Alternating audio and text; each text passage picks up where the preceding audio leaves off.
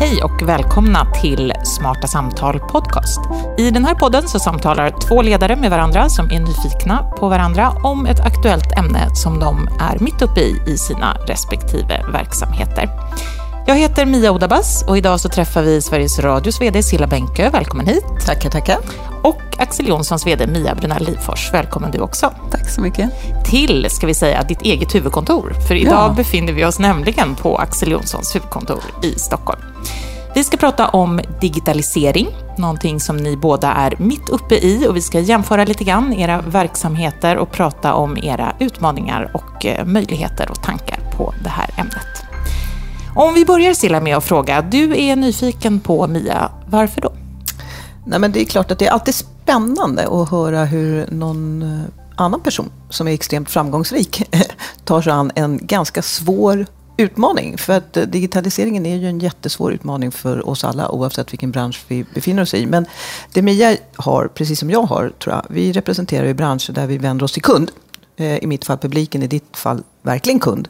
Och, och hela den här avvägningen. För att vill man att folk ska komma till butiken eller vill man inte att folk ska komma till butiken? Och hur långt vågar man då dra sin digitalisering? Syssla med produkter som alla behöver i vardagen. Jag inbillar mig att vi också sysslar med något som alla behöver i vardagen. Men vi diskuterar ju väldigt mycket så här. Är det viktigt att publiken kommer till oss? Eller är det viktigt att vårt innehåll kommer till publiken? Och vi har ju fattat ett strategiskt beslut hos oss att det sena är det som gäller. Det viktigaste är inte att publiken kommer till Sveriges Radio. Det viktigaste är att Sveriges Radios innehåll kommer till publiken. Och där skulle jag ju vilja höra mm. liksom hur Mia tänker. För du måste ju sitta med ungefär samma resonemang, mm. inbillar jag mig. Mm. Vad tänker du Mia när du hör det? Jo, men jag tänker, jag har ju en bakgrund i media så att det är ju en bransch som förändras väldigt, väldigt snabbt. Och det, och det känns som att nu kommer det väldigt mycket till handel. Och jag tror inte att man tänker så här att man, jag försöker inte tänka om de ska gå digitalt eller fysisk butik. Utan att vi ska vara överallt där de vill. Vi sysslar med handel, punkt. Den är både e-handel och fysisk handel. Och eh, den här svängningarna, man vet ju någonstans kommer ju ketchup-effekten också. Men, och, och, det kommer att gå väldigt, väldigt fort de kommande tio åren. Så att det, jag tror att det, vi, vi måste finnas där överallt för dem. Och, och att jag tror att samma kunder kommer både att handla digitalt och fysiskt. Och där måste vi skapa en enhet mellan att de upplever att det är en butik. Mm en så kallad omnikanal, eller hur? Ja, mm, precis. jag är inte så förtjust i de här tekniska Nej, orden. det låter lite märkligt. Jag håller med. Ja. Nej, men du har ju helt rätt i det. För det är klart att det är ju inte så att folk är antingen eller. Nej. Eh, det ser man ju på alla i sin omgivning. Man ja. är ju både digital ja, och precis. vanlig analog eh, butiksbesökare eller mm. radiolyssnare. Men, men finns det hos dig liksom någon smärtpunkt? För du har ju ändå fysiska butiker, mm. det har ju inte jag. Hur får det få vara som kommer till butiken? Alltså jo, den fysiska butiken. Och hur resonerar ni där? Liksom? Ja, och det är någonting som man måste hålla ett, ett vakande öga på hela tiden. Och där kan man ju se en tydlig trend. I Storbritannien till exempel, som ligger lite före oss i utvecklingen, finns det otroligt mycket tomma butikslokaler. Jag hörde för någon gång förra året att det var 10 000 tomma butikslokaler i Storbritannien. Och i många andra länder så ser man samma, det blir fler och fler tomma lokaler helt enkelt. För folk handlar mer och mer på nätet? Ja, och där måste man ju utvärdera. Även vi har ju tvingats stänga varuhus under förra året. Och man får utvärdera varje, varje gång man ska omförhandla ett kontrakt. Och så får man se, och en del vill man investera i och andra kanske inte, inte håller på lång sikt. Hur tänker ni där Silla? Du sa att ni hade bestämt er för att vara där lyssnaren är. Ja, men alltså, vårt uppdrag är ju att göra ett oberoende public service-innehåll. Mm. Som är väldigt kvalitativt eh, och som inte styrs av några ekonomiska eller politiska intressen och så. Och det är ju viktigt att hela publiken har tillgång till det. Och det är ju så att en viss del av publiken är bara digital. Eller faktiskt också bara social. Vi vet ju att väldigt många unga till exempel får hela sin nyhetskonsumtion via Facebook. För mig är det då självklart att vi måste vara där. Eh, det yttersta exemplet på när vi fick verkligen ta det här beslutet. Det var ju när Spotify etablerade sig i Sverige. Vilket ju nu är ganska länge sedan. Eh, och det är en musikstreamingtjänst. Eh, 50% av det vi gör är musik. Eh, vi hade att liksom värdera, hur gör vi nu? Ska vi försöka liksom hålla kvar hela publiken hos oss? Ska vi verkligen försöka kämpa mot Spotify? Eller ska vi se Spotify som ett sätt att faktiskt nå publiken? Och då valde vi det senare, vilket innebär att P3 spellistor, poddar från oss finns på Spotify. Vi vet att 16 19-åringar hittar oss där. Eh, men det var ganska kontroversiellt på den tiden, både internt och externt. Och vi var ju första liksom public service-bolag i Europa som faktiskt gjorde det här. Och det beror väl på att Spotify är svenskt och kom först i Sverige. Men det var absolut inte ett beslut som alla köpte och tyckte var bra och så. Nej, men, det är kontroversiellt efterhand, ja, det, för att det är Spotify är en kommersiell aktör helt enkelt. Nej, men inte bara. Men, men liksom, vadå, var det inte viktigare? Liksom, public service-bolag av tradition i Europa har ju varit ganska snobbiga om vi ska vara helt ärliga. Och liksom tyckt att Nej, men vi är så himla bra så att liksom, vill publiken ta del av det vi gör, då får de faktiskt komma till oss lyssna på radio eller komma till vår webbsida. Och jag sa, äh, men vänta nu hörni, det är inte det som är det viktiga. Det viktiga är att det här innehållet vi gör som faktiskt betalas av publiken kommer till publiken och väljer de att vara på Spotify i en viss ålder. Ja, det är klart, då finns det ju massa anledningar till att vi ska ha vårt material där. Dels för att de faktiskt ska få materialet. Dels för att de ska exponeras för andra saker än bara amerikanska kommersiella intressen. Men också för att vi faktiskt kan bygga vårt varumärke på det sättet. Att vi blir liksom något som folk vet vad det är. Man kan inte sitta och förvänta sig att alla vet vad Sveriges Radio är idag. Det är massor med människor som inte vet det. Mm. Och det där tror jag faktiskt är jätteviktigt. För man kan, det är precis det som är digitalisering. Att man kan inte stoppa teknologin. Den kommer att hända. Och, och liksom man kan försöka bromsa om man vill. Men, men det går inte. Det kan, jag kan titta på mina barn till exempel. Ja, men de lyssnar ju på radio på jättemycket på radions poddar. Därför att det finns tillgängligt där de är. Annars skulle de kanske mm. inte hitta det. Nej, nej, nej, men vi ser ju att vi når en publik till exempel via mm. iTunes som är 18 till 34 och som lyssnar på klassiska P1-program ibland. Och det är kanske inte är den klassiska P1-publiken. Nu har P1 föryngrats och har fler och fler unga där också. Men, men det är intressant hur man liksom måste ändå nyttjas av den här digitaliseringen tycker jag. Till att tänka olika målgrupper, olika tidpunkter på dygnet och olika plattformar och så. Och vi har ju liksom slutat att prata om att vi ska ha en digital strategi. Eh, I vår värld så har vi en strategi för en värld som är digital och social. Mm. Och det liksom genomsyrar hela vår vardag. Och det är lite ett annat sätt att tänka. Jag tror många företag fortfarande sitter där att, ja men vänta nu, vi har vår core business och så måste vi ha en digital strategi. Så försöker jag säga att, nej men ni behöver nog ingen digital strategi, men ni behöver en strategi för en värld mm. som är digital och social och bara kommer bli mer och mer så. Då har ni ju lite vänt på det. Hur tänker Nej, ni på den fronten? att du säger det, för vi har precis under hösten lanserat en, att vi ska ha en strategi också som ska inkludera både hållbarhet och digitalisering. Det vill säga att man ska inte ha några separata tarmar vid sidan Nej. om. Därför att då är man fel ute tror jag. Så vi har precis implementerat eh, det också.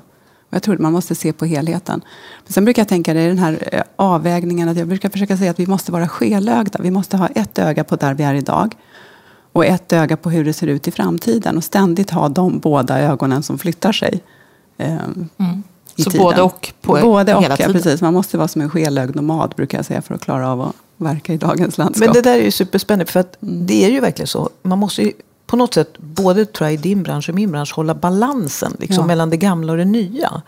Och där, är det ju, där finns det ju en bild idag till hela mediemarknaden att alla liksom håller på att lämna det gamla och det är bara det nya som gäller. Och vi vet att papperstidningarna har problem att sälja papperstidningar och vi vet att eh, traditionellt tv-tittande går ner och sådär. Man tittar mycket mer på play. Men på radio är det ju inte så.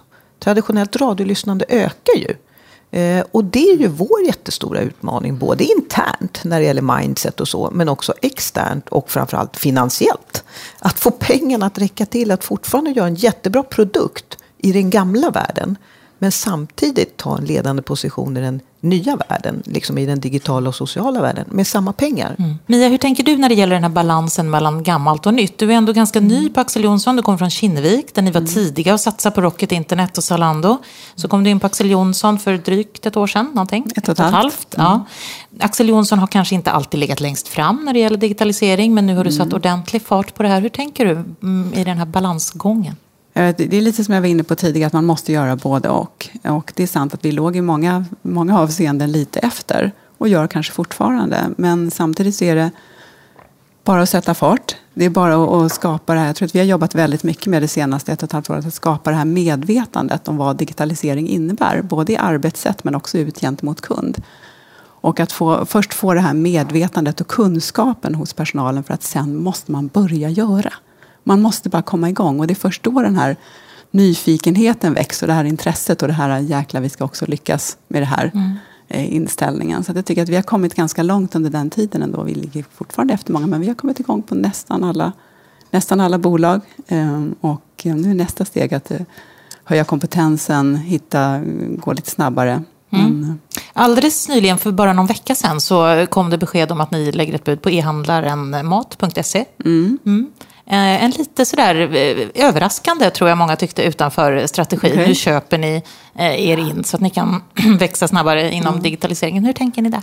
Alltså både Hemköp och Willys har ju lanserat e-handel under det här året och ganska nyligen. Och det, då känner vi att det eh, vi är väldigt nöjda med de satsningarna. Men vi känner också att det är någonting som växer väldigt fort. Så det här är ett sätt att möjligtvis göra det lite snabbare och att få in kompetens på det här området. Sen får vi se om budet går igenom eller inte. Mm.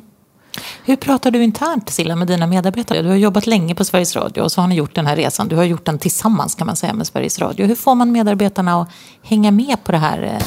Ja, hur får man medarbetarna att hänga med? Man måste nog tro på det själv som medarbetare. Eh, jag tror att man kan jag kan ju stå där och missionera hur mycket som helst men om, om medarbetarna på Sveriges Radio inte själva ser och inte själva inser så kommer man liksom ingen vart. Så vi har ju jobbat väldigt mycket med att egentligen ställa om företagsledningen till att mer syssla med omvärldsspaning, eh, analys och strategi eh, och låta det operativa vara det operativa och eh, försöka lyfta kunskapsnivån. Alltså försöka få eh, så många medarbetare som möjligt på Sveriges Radio att faktiskt förstå vad som pågår runt omkring. Hur ser omvärlden ut? Hur ser konkurrensläget ut? Hur beter sig vår publik? Vad händer med dem? För första gången någonsin har vi gjort en segmenteringsanalys av publiken som inte handlar om ålder och kön och så utan som handlar om behov och beteenden. Och då visar det sig att en ung tjej i Stockholm och en äldre man i Luleå kan ha samma behov och beteenden. Eh, hur ska vi förhålla oss till det? Och sen gäller det ju liksom att sprida och dela den kunskapen eh, med alla medarbetare. Vi tog ju fram en, som första medieföretag i världen en social mediehandbok. Liksom, vad innebär sociala medier? Hur ska vi förhålla oss till det? Vad kan man använda det till och vad finns det för risker och fördelar? Och då körde vi liksom en obligatorisk workshop med all, alla medarbetare. Och jag sa att vi ska ha en chefskurs. Alla chefer måste behärska detta. Alla måste förstå vad chefsansvaret ligger i detta. Och, så. Eh, och det var obligatoriskt. Eh, och sen handlar det mycket, mycket om, vi finns ju på 50 platser i landet. Det handlar mycket om dialog. Mm. Och sprida kunskap. Och, och, visa på de goda exemplen tror jag. För att när folk ser att, oj, det här gick ju bra oj, jag är utrikeskorrespondent på Lesbos och helt plötsligt får jag en helt ny publik via mitt sociala medieflöde. Jag har fått helt andra reaktioner. Eller nu det här gänget som gjorde USA-valpodden som bara blev överöst av kommentarer som de inte riktigt var vana vid. För som programledare på Godmorgon Världen så får man inte det på samma sätt. Då tror jag att folk börjar inse att här finns en värld som faktiskt är spännande. Mm. Och om man tycker att det är spännande och har någon form av nyfikenhet så vill man vara med. Mm. Och det är väl det vi försöker det är det ni liksom. försöker hitta? Ja, måste försöker, det, det måste, måste finnas ett kreativt klimat. Liksom. Och det blir ju egentligen ännu viktigare också, man tänker med just nyheter, som är, där det sprids väldigt mycket mm. falska nyheter ja, ja. på nätet, så är det ännu viktigare att faktiskt komma ut i de medier där människor är. Absolut. Mm. Och, men jag tror ju väldigt mycket på att, att eh, ja, men de goda exemplen, man ska inte underskatta dem. Mm. Och när en kollega gör någonting som man själv ser, men titta det där blev ju faktiskt himla bra. Jag kanske också kan göra det här. Och man får lite hjälp. Mm. Jag märker ju när jag är ute och pratar med folk på våra redaktioner att det inte är en ovilja. Det handlar inte om det. Men det finns en viss mått av rädsla. Därför att man kanske har jobbat länge. Man kanske har liksom mm. jobbat merparten av sitt liv med att göra analog radio. Och helt plötsligt så ökar kraven. Man ska göra andra saker. Och man vet inte riktigt, ska jag finnas där eller ska jag finnas där? Och i vilken form? Och hur går det här till? Och vad ska jag prioritera? Och så. Och där har vi ju försökt vara tydliga nu. Eh, för ett tag var det liksom alla blommor blommar. Eh, och nu försöker vi på något sätt säga att nej, men det här programmet ska syssla med det här digitalt och socialt. Och det här programmet ska syssla med något annat digitalt och socialt. Just för att veta vilken målgrupp vill vi nå? Med vad och varför? Alla kan liksom inte hålla på med allt. Mm. För de resurserna har vi ju liksom inte.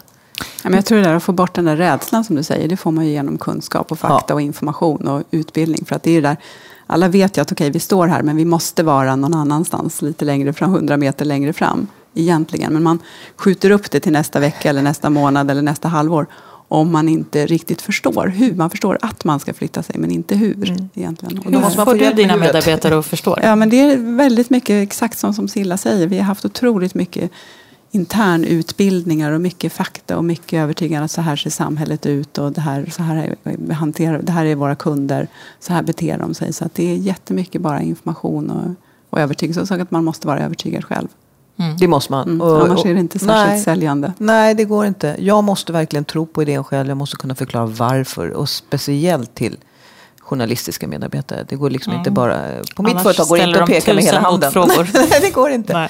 Eh, man måste ha argumenten klara för mm. sig. Det håller egentligen ingenstans att peka med hela handen. Nej. Därför att du, du får inte med dig människor på riktigt då. Inget engagemang. Utan du måste ändå få alla att faktiskt vilja mm. göra. Och förstå varför. Eh, Silla berättade här om ett kontroversiellt beslut var när de gick med Spotify. Har, ni några såna, har du några sådana exempel, Mia, på kontroversiella beslut eller utmaningar som du har varit med om? Mm, inte, inte som jag kan komma på exakt, men att överhuvudtaget starta med e-handel blir ju en konkurrens. Med, eller många ser det från början som en konkurrens med den befintliga butiken. Och hur ska man mäta vem, vem, ska, vem ska ha incitament på den här försäljningen och hur ska det fungera om de i mitt område handlar på nätet istället för i butiken. Och lite sådana saker, men inte, inte något sånt stort. Utan, men men det, det överbryggar man, det måste man överbrygga mm. på något sätt. Och just det här att se det som handel, punkt. För precis, vi var inne på det, att det mm. ändå är antingen handlar man i butiken eller så handlar man digitalt och då kanske man ser det som konkurrens ja. istället för och det att får man, man göra, mm, inte göra. Inte göra. Utan det ska vara en enda mm. källa. Mm.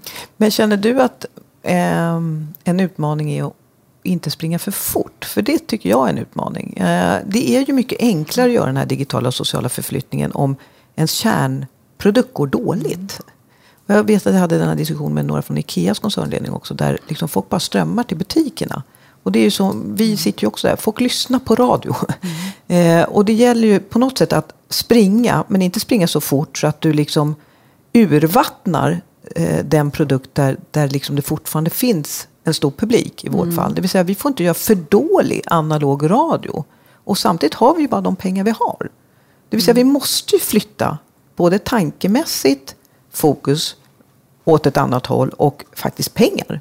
Mm. Alltså sluta göra vissa saker analogt för att ha råd att skapa nya funktioner digitalt och socialt. Eh, och samtidigt kan vi liksom inte göra en sämre P1, P2, P3, P4 för de har en jättestor publik redan och de lokala kanalerna går som tåget. Mm. Eh, det där tycker jag, det, är en, det tycker jag är en riktigt stor utmaning. Hur springer mm. man lagom snabbt? Liksom? Ja, precis. Men man måste ju göra både och. Men jag tror, jag tror att egentligen är det inte, det är liksom inte så många som är ett enda jättestort steg. Utan det är en massa små steg man tar hela tiden. Och väldigt ofta är det ju kanske två steg framåt och ett steg bakåt. Och vi försöker skapa, tänka mycket på det här att vi måste våga göra nya saker och våga testa nya saker. Hur ser en bra digital kampanj ut? Eller vilka varor vill man handla på nätet? Och hur ska de, alltså man måste testa, testa, testa, testa, testa. Och så, och så lär man sig successivt. Så det är mer som en evolution än som att man tar jättestora kliv i någon riktning tycker jag. Man får inte vara, vi försöker säga det, man får inte vara rädd för att göra misstag. För då kommer man inte att våga göra någonting och då kommer man inte att utvecklas. Nej men det har du ju helt Utan, rätt i. Ja. Ett misstag är ju ett lärande. Ja, precis. Och den attityden måste man, man ha, annars går det liksom inte. Nej, precis. Man ska egentligen inte ens kalla det misstag. Nej, det är en väg en framåt. Del en, en, ja, del, en, en, del på vägen framåt. Men vi ja. försöker tänka innovation och utveckling. Och, och vi hade ju tidigare i vår företagsledning någon, en digital direktör. Eh, och så kom vi fram till när den personen slutade. Men vänta, vi ska nog inte ha en digital direktör. Återigen, det är ju en digital och social värld. Mm. Eh, och vi säger ju då liksom att alla våra tre ben, som vi säger, FM-radion, det digitala och sociala, måste hänga ihop. Mm. Så nu har vi istället eh, en ny funktion som vi kallar för en innovationsdirektör. Där liksom uppdraget är just att tänka innovation och utveckling, där man tänker helheten hela tiden. Därför att ett plus ett måste bli tre. Mm. Vi ska inte göra grejer digitalt och socialt för att utarma vår kärnprodukt. Utan vi ska ju göra saker mm. digitalt och socialt för att förhoppningsvis också stärka kännedomen om Sveriges Radio och vår kärnprodukt. Eh, men det där är ju det är, det är liksom ett annat sätt att tänka. Och det hänger ihop med det du sa tidigare om att ni inte har en digital strategi längre. Utan att ni Nej, verkar i en digital värld. Mm. Och vi jobbar väldigt mycket nu med att hitta eh, det innovativa, kreativa utvecklingsklimatet. Vi har jobbat med små innovationsteam som är frikopplade från kärnan. Det är kanske bara en eller två medarbetare. Och så tar vi in mycket extern kompetens och så jobbar vi fram nya produkter och format och så.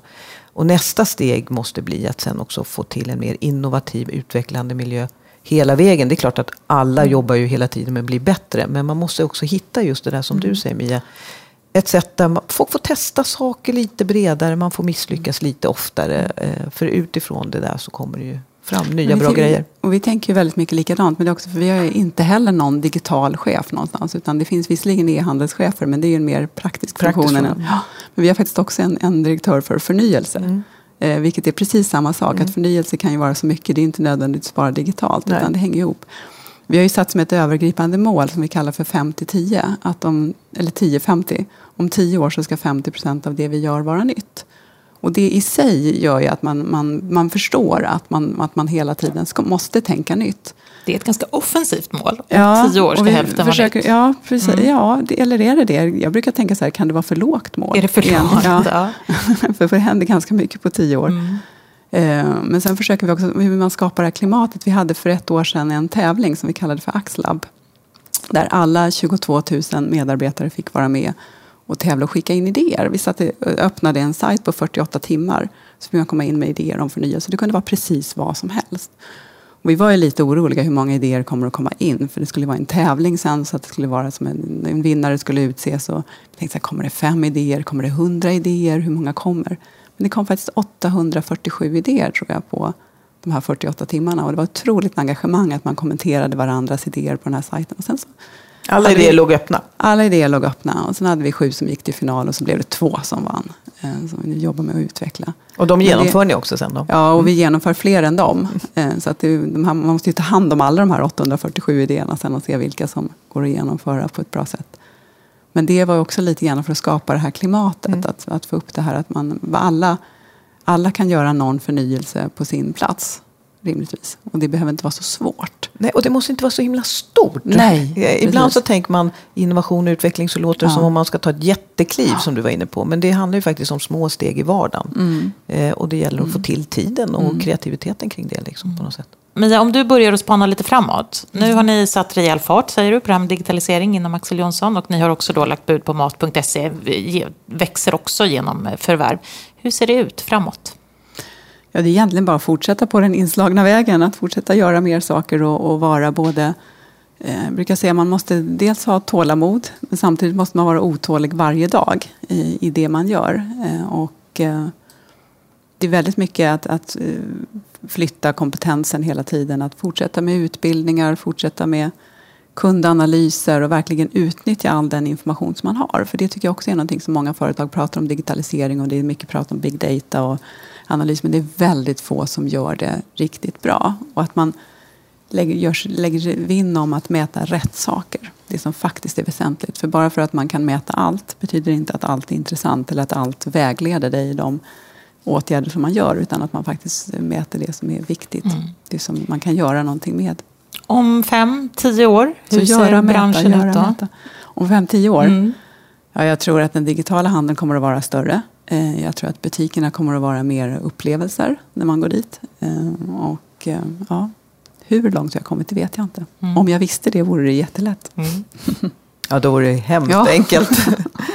hur ser radion ut om fem, tio år, Silla? Ja, det slog mig egentligen när du säger tio år. Om tio år, då är Sveriges Radio hundra år ungefär. Mm. Vi fyllde ju 90 förra året. Mm. Oh, det är ganska mycket. Eh, och det är klart, om man går tillbaka till 1925 så har det ju skett en väldig resa. Fast jag tror att en bärande punkt genom alla de här hundra åren är ju ändå innehållet. Alltså ibland mm. pratar vi, liksom, när vi pratar digitalisering så pratar vi så mycket om plattformar och teknik. Och för mig är det ju fortfarande så att jag tror att folk väljer Sveriges Radio för innehållet. Och då gäller det återigen att innehållet är där publiken är och eh, finns där vi, vi vill eh, vara och där de vill konsumera oss. Eh, men vi måste fortfarande ha rätt innehåll. Så vi måste ju fortsätta diskutera vad är vår roll i, ja, i den omvärld vi ser nu. Och för mig blir det då faktiskt en fråga om demokrati.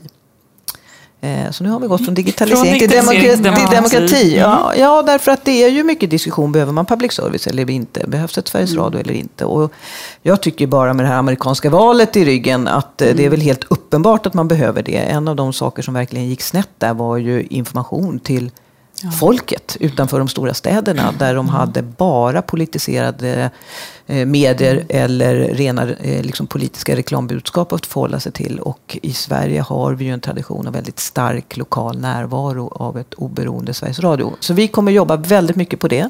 Vi kommer att försöka vara ännu mer synliga och ännu närmare publiken. Eh, både lokalt, nationellt och globalt. Men vi kommer också jobba mycket med det Mia pratar om. Alltså personalisering och paketering. Mm. Så att folk eh, får olika format vid olika tidpunkter på dygnet. Och att vi når folk på bästa sätt eh, med det de för stunden faktiskt har möjlighet mm. att konsumera. Och, och det där är ju tricky. Mm. Eh, så jag tror att vi måste göra en marksänd radio som är mer live. Alltså mer direktsänd. Jag tror att det är det man vill ha om man slår på liksom vanlig radio. Man vill inte höra saker som då är färdigpaketerade där. För det kan man göra i efterhand när man vill. Liksom genom att ladda ner på SR Play eller via iTunes eller vart man nu går. Så att jag tror att vi kommer få se, precis som du pratar om, Mm. olika upplevelser på olika sätt. Och att vi kommer att bli, behöva bli mycket, mycket tydligare där. Vad erbjuder vi till vem, när och varför? Mm. Och det tycker jag är så intressant med den här personaliseringen också. Det här med att man, någonstans så tappar man lätt i det här när man paketerar att man vill också bli överraskad. Eller hur? Du, får det här, du har läst den här boken, då kanske du också borde göra- läsa de här och de här och de här. Och det blir, eller om du har tittat på det här eller du har köpt det här. Och det blir så otroligt tråkigt. Man blir bara smalare och smalare och smalare och smalare. Filterbubblan. Ja, men precis. Man ja. vill ibland också, oj, det där hade jag inte tänkt på som kom från höger eller vänster. jag tror liksom att två saker som verkligen är så tydliga, det är ju, eh, vi å- återigen kopplar tillbaka till demokratin, det är ju att vi måste ha den här öppna arenan för dialog och samtal. Och det är ju liksom vårt kärnuppdrag. Eh, både i, i form av såklart eh, bra ytor i en kanal som P1, men framför allt lokalt. Alltså vi är det enda riktiga riksmediet kvar med stark lokal närvaro. Vi har lokala kanaler som sänder från tidig morgon till sen kväll där åsikter möts och bryts i, i, i, i studion eller i mötena. Och det tror jag är extremt viktigt och vi måste ju jobba på att vara attraktiva på det sättet att vi får ut folk från de här filterbubblorna. Så att man faktiskt exponeras för åsikter som inte bara håller med en. Så när vi pratar personalisering, då kommer vi ju inte överlåta det åt bara algoritmerna. För då blir ju som du säger, då blir det smalare, smalare, smalare. Vi kommer att ha en helt ny tror jag, yrkeskategori som heter Ja, curators of content på engelska. Vad heter det då på svenska? Några som sitter och lägger spellistor av innehåll helt enkelt. Som ger dig saker som du borde lyssna på. Eh, men som algoritmen kanske inte hade valt åt dig. Så så kommer ju våran personalisering se ut av SR Play. Och det tror jag är jätteviktigt. Där känns ju att det är som att public service skulle kunna spela en viktig roll i precis det här. Ja, men public service ska ha en avgörande roll. Vi ska ju vara den trovärdiga guiden som hjälper folk att förstå. Mia, hur, hur överraskar ni då era kunder genom att inte bara erbjuda liknande varor? Nej, men det är ju också, det är ju precis, det blir också en slags curator eh, av att man försöker välja ut produkter. Men det där är ju också någonting, jag tror de där algoritmerna kommer att utvecklas rätt mycket så att de också tänker lite friare. Vi får över hoppas det. Jag tror att det kommer att finnas robotar som radiojournalister. Det tror jag inte. Därför att jag tror fortfarande på eh, den personliga känslan eh, och fingertoppskänslan. Och hur, jag vet inte, det är klart att algoritmer kan säkert lösa det också. Men en robot är trots allt en robot. Till viss del blir de ju radiojournalister i den bemärkelsen att de kan ju ta över ett antal moment som en journalist gör idag. Men det innebär ju fortfarande, tror jag, att det behövs en kritiskt självtänkande person som eh, kan en profession. Och eh, då ska alla liksom, robotar lära sig professionen journalistik också. Och det tror jag inte riktigt på. Men kommer det vara bara robotar i butiken? då? Eh, Det är svårt att svara på. I ett kortare perspektiv, nej det tror jag inte. Eh, I ett längre perspektiv, jag tror inte det kommer att vara bara robotar, absolut inte. Jag tror också den här mänskliga aspekten är, är väldigt viktig och svår att ersätta faktiskt även i ett robotsammanhang. Men man jobbar ju att mycket många med- tjänster tror jag säkert Ja, kommer att och artificiell intelligens Och är på ju något att förhålla sig till. Så ja, är det ju, På absolut. nätet, många e-handlare är det ju väldigt vanligt att man använder så att säga, bottar Mm. som eh, svarar på kundtjänstfrågor och sådär. Men man jobbar ju också med att mänsklifiera robotarna idag. Mm. Så det kanske kan gå omkring sådana här lite mänskliga robotar i butikerna. Vi hade ju några på vårt seminarium. De var väldigt söta. Ja. Man, man, man, De känner, söta. man känner för dem. Ja, var de absolut. smarta också? De var jättesmarta. De kunde massor med saker. Faktiskt. Vi får se när det blir en robot som leder Smarta Samtal podcast. Hörrni, vi ska avsluta det här samtalet. Stort tack Mia och Silla för att ni var med i Smarta Samtal podcast.